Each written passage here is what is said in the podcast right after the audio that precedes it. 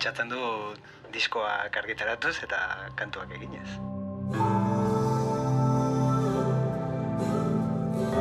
Aspaldi aukeratu nuen nik nire bizitzako bide nagusia edo nagusienetako bat musikarekin lotua izatea. Gero bidea e, egin eta desegin daiteke eta itzuli eta eta besteetatik probatu ere bai. Bidea, zalantzari gabe, helburura nahi inoiz iritsiko. E, beraz, bideaz ez badu gozatzen e, gaizki. Bide gurutzean egonez, banator eta banoa. Bidegurute baten aurrean, iruditzen zait importantea dela jakitean ondik zatozen, eta eta usartzea apustu egitera eta norabide bat hartzera. Bakoitzak egin behar du bere autua eta eta ez ez izan erreparo gehiegi ere edo ez izan beldur gehiegi ere okertzera, ze ausardia puntu bat behar da, edo inkontzientzia puntu bat ere bai. Estenatokia da asko beldurtu izan nauen mamu bat, eta azken aldian adizkidetuta nabilena, baina badakidena edo zain momentutan berriz ere etxai bilakatu aldela. Ez dena toki batek egin zaitzake handitu, txikitu, dena ordueteko saioan. Eta horregatik jarraitzen dugu zenean jotzen momentu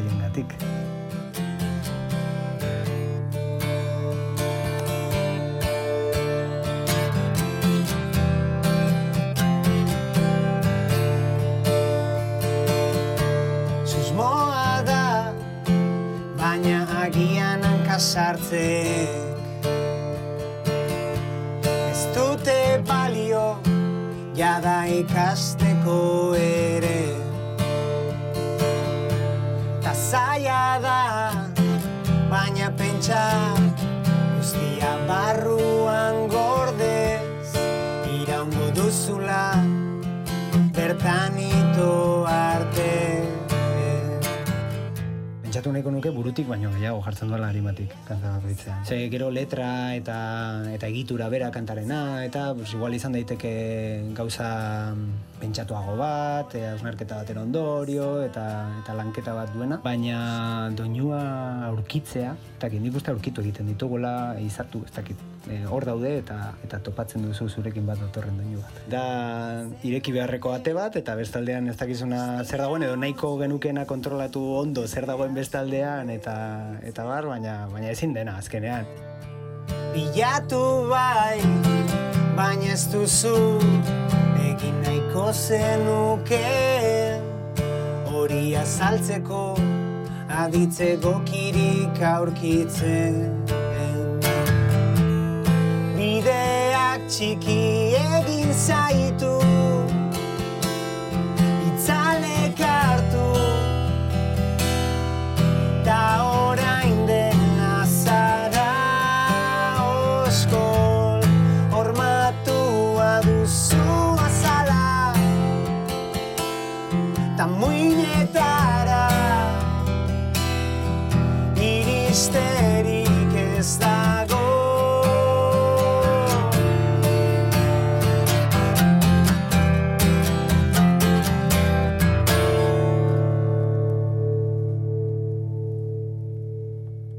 Naiko nuke pentsatu izaki garden baten barruan ikus daitekela benetan zer den edo nor den pertsona hori edo izaki hori eta beraz benetako zerbait eskaintzen duen norbait izatea jendeak egiazko zerbait gisa hartzea. Zure barrena erakusten duzu momentutik eh, arriskuan zaude edo zaurgarriago zara eta eta igual jaso dezakezu mina errazago, baina era berean iruditzen zaite irekiago ere bazaudela kanpoko eraginei eta eta beraztu zaitezkeela gehiago. Barrena erakusteko modu nagusia kantuen bitartez e, aurkitu dut. Izan dezake munduko botererik handiena edo izan daiteke utxal utxala ere, ez azkenean kantu bat zer da ba. Ez du, ez du aldatuko mundua, baina era berean alda dezake mundua. Katarsia da, nik sentitzen dut momentu hori pieza guztiek enkajatzen dutenean. E, doinu aurkitu dut, egin diot letra bat, pentsatu dut egitura bat, baten gara lokalera, eta bapatean, boa, hau da, hau zerbait da, hori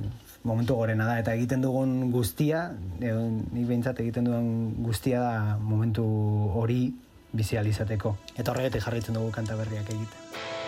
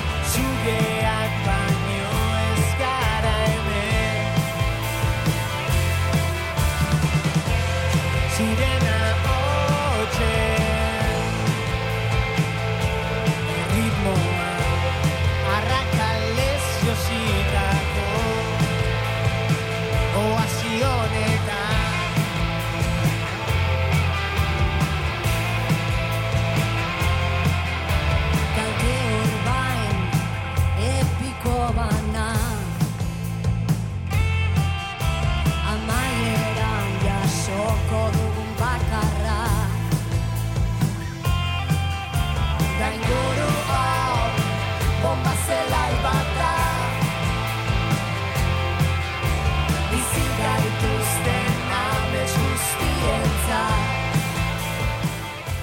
kanta guztiak deabroentzako dira. Barneko horrentzako edo norberaren deabroentzako. Bai, nik behintzat kantuak berari egiten dizkiot. Deitu jozu deabroa, jainko edo, edo harima, nahi duzu. Neiz baitekin izan du tratu hori, dena, dena eskaintzarena guztiaren truke eta eta gehienetan ondo atera da. Dena eskaintzen badizute guztiaren truke nik uste oso tratu ona dela. Beraz, hori baldin bada de aurroa, ba nik tratu egingo nuke.